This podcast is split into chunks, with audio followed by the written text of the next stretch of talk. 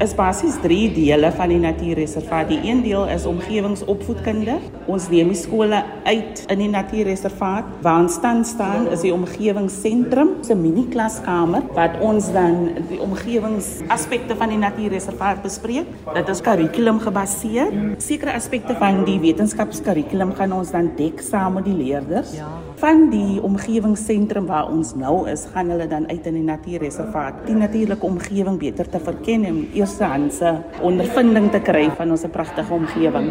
Maar staan nou hier by jou uitstalling en dis die pragtigste klein grysbokkie. Hy's maar iets soos 40 cm hoog. Is hy nog te bespeer of is hy maar skugter? Ons het kamera um, wat ons om kamera traps in die reserve. Ons het hom lanklaas bespeer en ons dink 'n deel daarvan is omdat die rooi kat kerkel is baie aktief in die natuurreservaat op ons kamera en die foto sien ons dit gereeld. So ons vermoed dat die rooi kat iets daarmee ja, te doen het. Ja. Maar ons het baie voëlspesies, dis omtrent 23 skoenlapper spesies. Die natuurreservaat dit is verklaar as 'n natuurreservaat in 1977, 'n private natuurreservaat en dit was dan verklaar as 'n provinsiale erfenis um, gebied in 1978. So wat dit beteken is daar 'n sterk wetstoepassing mm. wat die natuurlike plante groei, die natuurlike omgewing beskerm. Menelies, ons gaan nou in die park in. Ek wil bietjie daar gesels want hier is die pragtigste voorbeelde ook van die fossiele wat jy in die park het. Robin is ook hier, maar ja. jy is vir alle span van vroue. Ja. Baie belangrik ook met vroue maand. Ons is 'n span van vrouens, ons is 3 vroue. Ek is die bestuurder van die van die natuurreservaat. Lorenda van Breda is ons omgewingsbeampte en navorser. En dan ook Soleka Mapanga, sy is in beheer van ons kweekhuis. Ons is trots vroue en ons is absoluut passievol oor ons omgewing en om ons natuurreservaat te bewaar. Praat so van die vroue wat interessant is ook, dit is jong vroue. Dit is lyk dit vir my nuwe bloed wat jy hier het. ja, vars bloed is altyd welkom Jackie en ons hoop um, wat ook belangrik is van die studente kom baie hier, hulle doen hulle navorsing hier en dit is ook net goed vir die vir die vroue en studente om uit te kom. Dit is regtig 'n groen oase op kampus. So baie van die van die studente kom uit en hulle geniet net om in die natuur te stap en miskien net om 'n breek te vat mm. van die mm. studiedruk. So wat ons ook het, ons het 'n database van alles wat ons het in die natuurreservaat. Daar's 'n database van al die plantspesies en dit word gereeld opgedateer. So wat interessant is, daar is verskillende nuwe spesies wat amper op 'n weeklikse of maandelikse basis opgespoor word en wat dan by die database gevoeg word.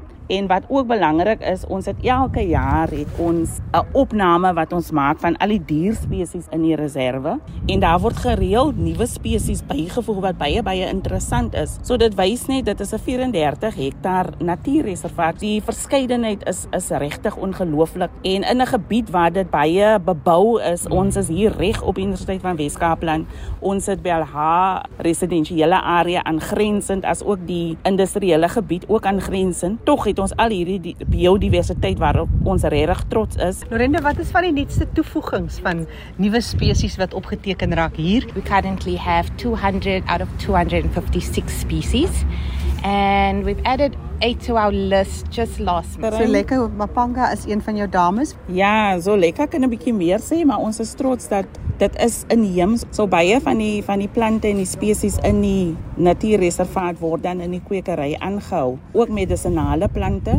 En een keer 'n maand het ons 'n plant verkope. Hulle kan ons gerus kontak om die datums te kry en dit is maar net om die inheemse plante ja. groei en ons biodiversiteit verder te probeer versprei in en om die natuurreservaat in die omgewing. Ja. So lekker vertel ons van die plante wat die meeste gekoop word.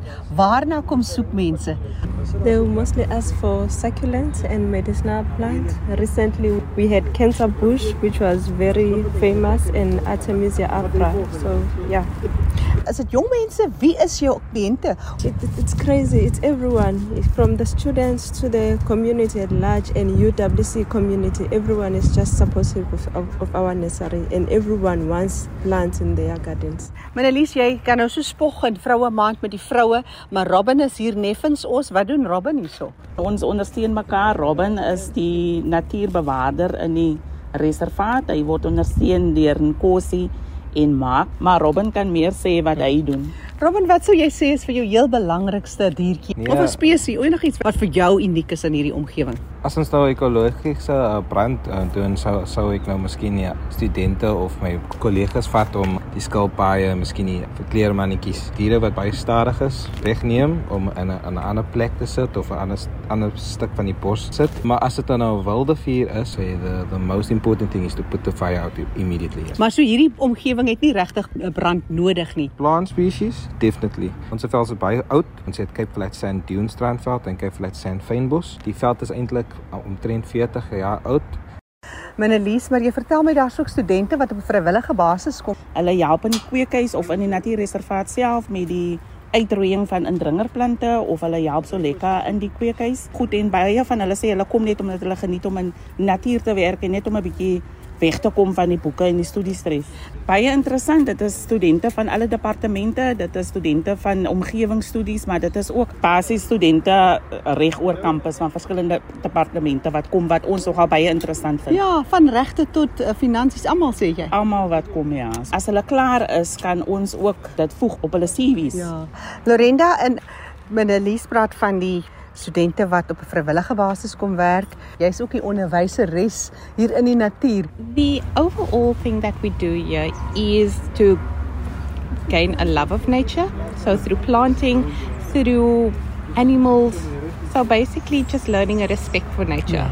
Whether you want to study that in future or not, if you have a respect for it, nature will prevail. And that's all we can actually hope for. Ja, nee, die natuur het 'n baie 'n helende effek. Mm. En ek dink vir al die studente wat wat op die kampus bly in die in die hostels. Mm. Hulle vind dit baie kalmerend om net 'n bietjie uit te kom en dan tyd in natuur te spandeer. Kry baie studente veral in die eksamentyd wat net kom om 'n bietjie te mm. de-stress sal ons sê, net om 'n bietjie asem te skep.